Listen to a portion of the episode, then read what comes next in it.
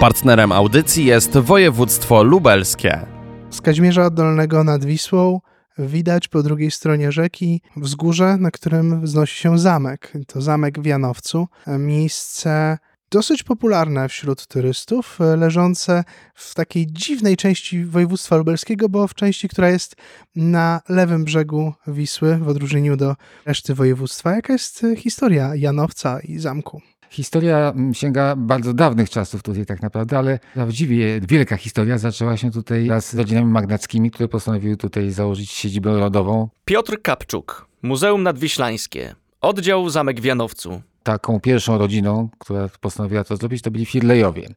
Firlejowie na początku XVI wieku po zakupieniu tego terenu zbudowali na wyniosłości tutaj na tej skarpie wielkiej z pięknym widokiem na Dolinę Wisły siedzibę rodową, czyli Zamek w Janowcu.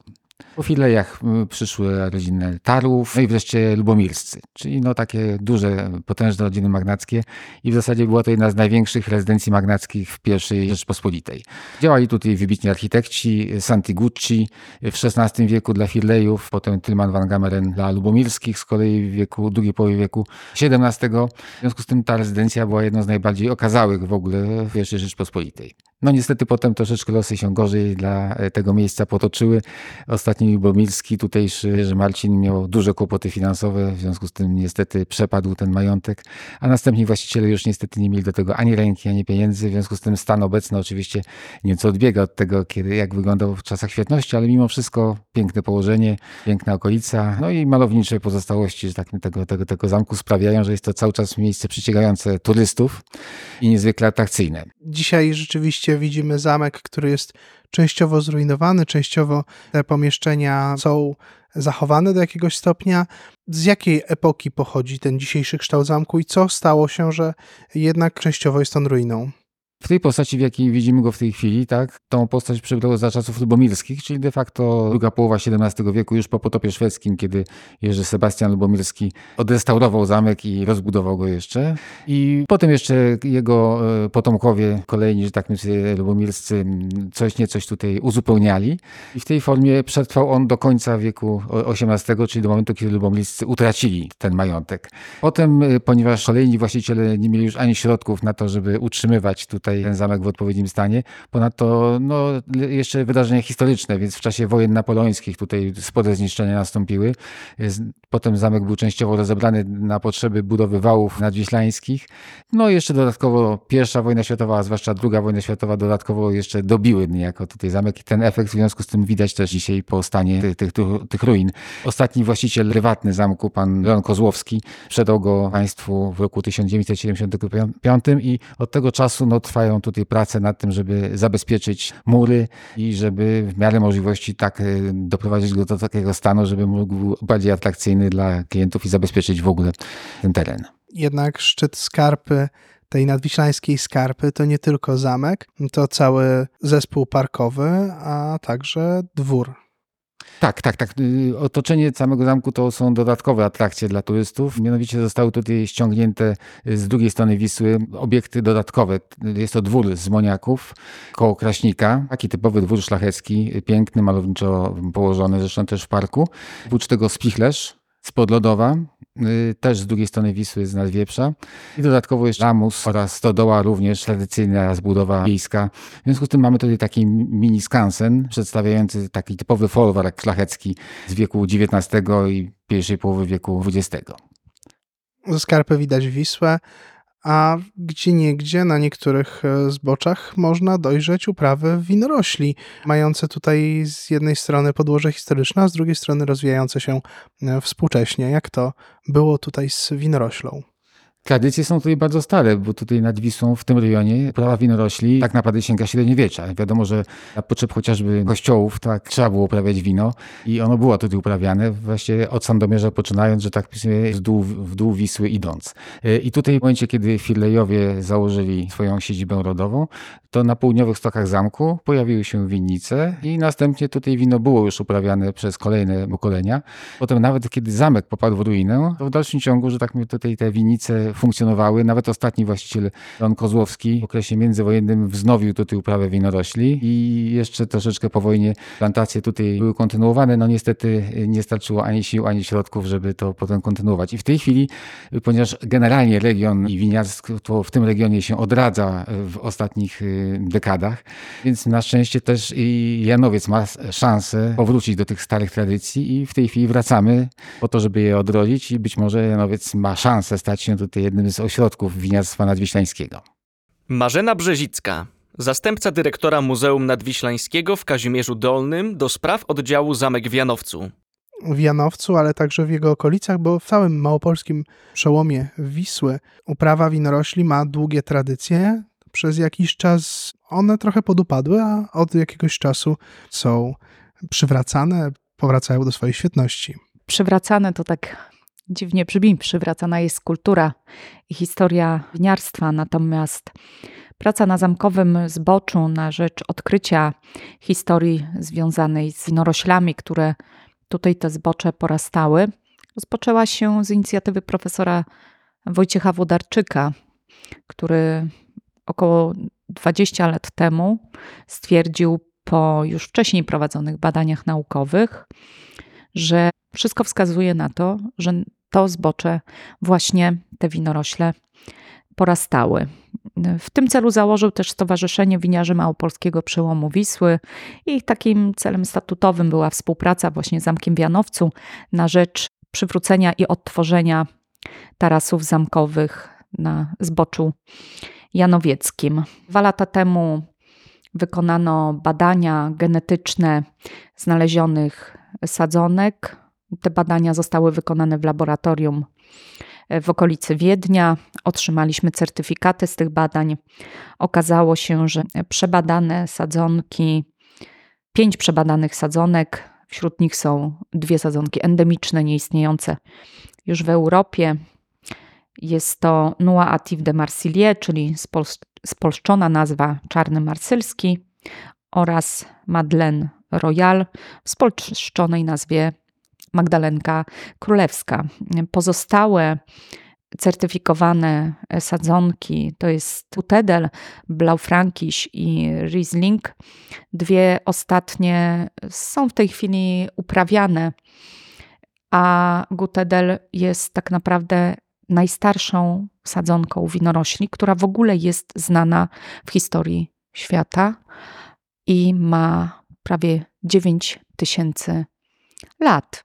Więc mamy tutaj ciekawostkę historyczną. Aktualnie prowadzimy wiele badań naukowych na rzecz odkrycia jak największej historii tego zamkowego zbocza i winnic z nim związanych. Z materiałów zdjęciowych wynika, że całe zbocze, czyli prawie 4 hektary, były posadzone, prawie 4 hektary zbocza zamkowego były pokryte tarasami z winoroślą i pracujemy na rzecz przywrócenia tego. Zrobimy to oczywiście w oparciu o rys historyczny, który wskażą i przygotują nam naukowcy. Wydamy wydawnictwo, będzie to książka. Janowiec nad Wisłą, wino od stuleci. Potwierdzimy tutaj historię badań, nawet sprzed kilkudziesięciu lat, która mówi, że w okolicy Janowca już kilkaset lat temu właśnie winorośle się pojawiły, porastały tutaj regionalne zbocza, jak i okolice zamku. Czy w planach jest odtworzenie tych endemicznych szczepów, zrobienie nasadzeń z tych winorośli, w jakiś sposób uczynienie z nich charakterystycznego znaku tego terenu? Właśnie w oparciu o te endemiczne sadzonki będziemy odtwarzali te winnice. W tym roku oczyszczając zbocze natrafiliśmy na kolejnych 80 sadzonek, z czego kilka też jest trudnych do zidentyfikowania. Również je oddamy do badań w Instytucie Austriackim. Rozmnażanie tych wyginionych gatunków jest bardzo ciekawym procesem. Należy zarezerwować sobie laboratorium.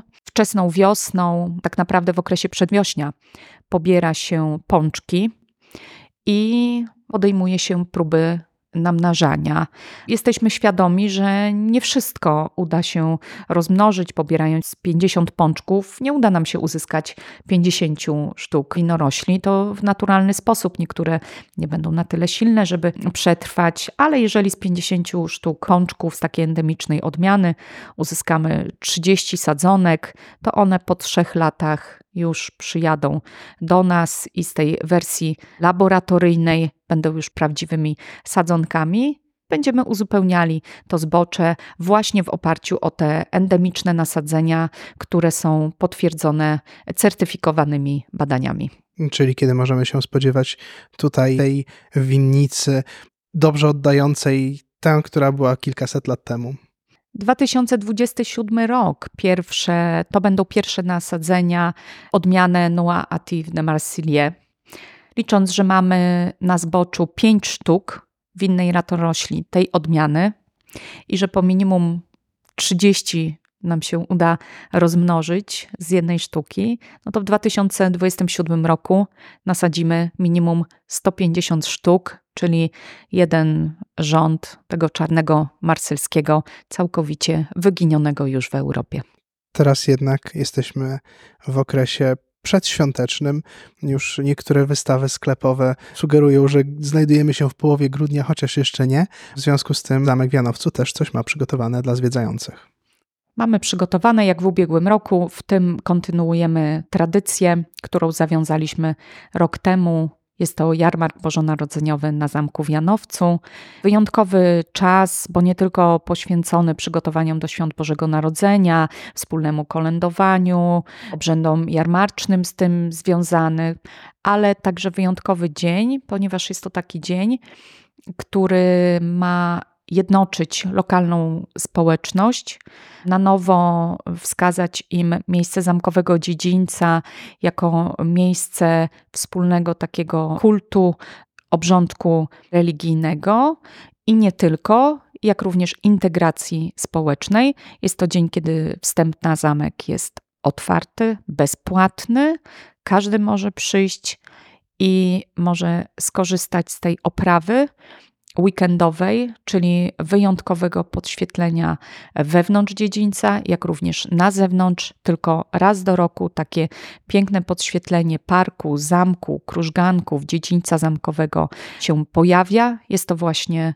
organizowane z tytułu zbliżających się świąt Bożego Narodzenia. Wtedy też staje na dziedzińcu ogromna podświetlona choinka, jest jarmark z produktami oraz ozdobami świątecznymi wykonywanymi przez regionalnych twórców ludowych, przez szkoły, przez koła gospodyń wiejskich. Szkoły prezentują swoje jasełka, wspólnie kolędujemy. Jest Mikołaj, który obdarowuje dzieci prezentami.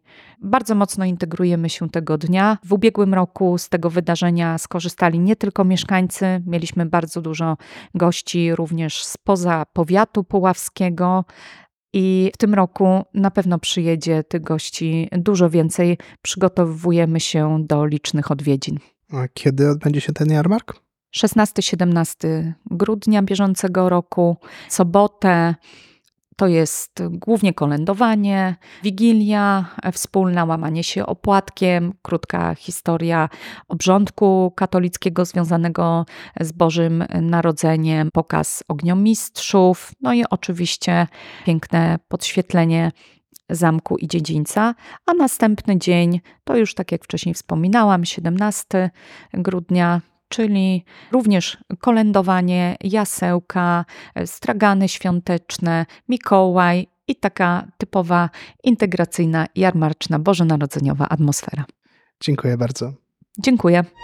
Partnerem audycji jest województwo lubelskie.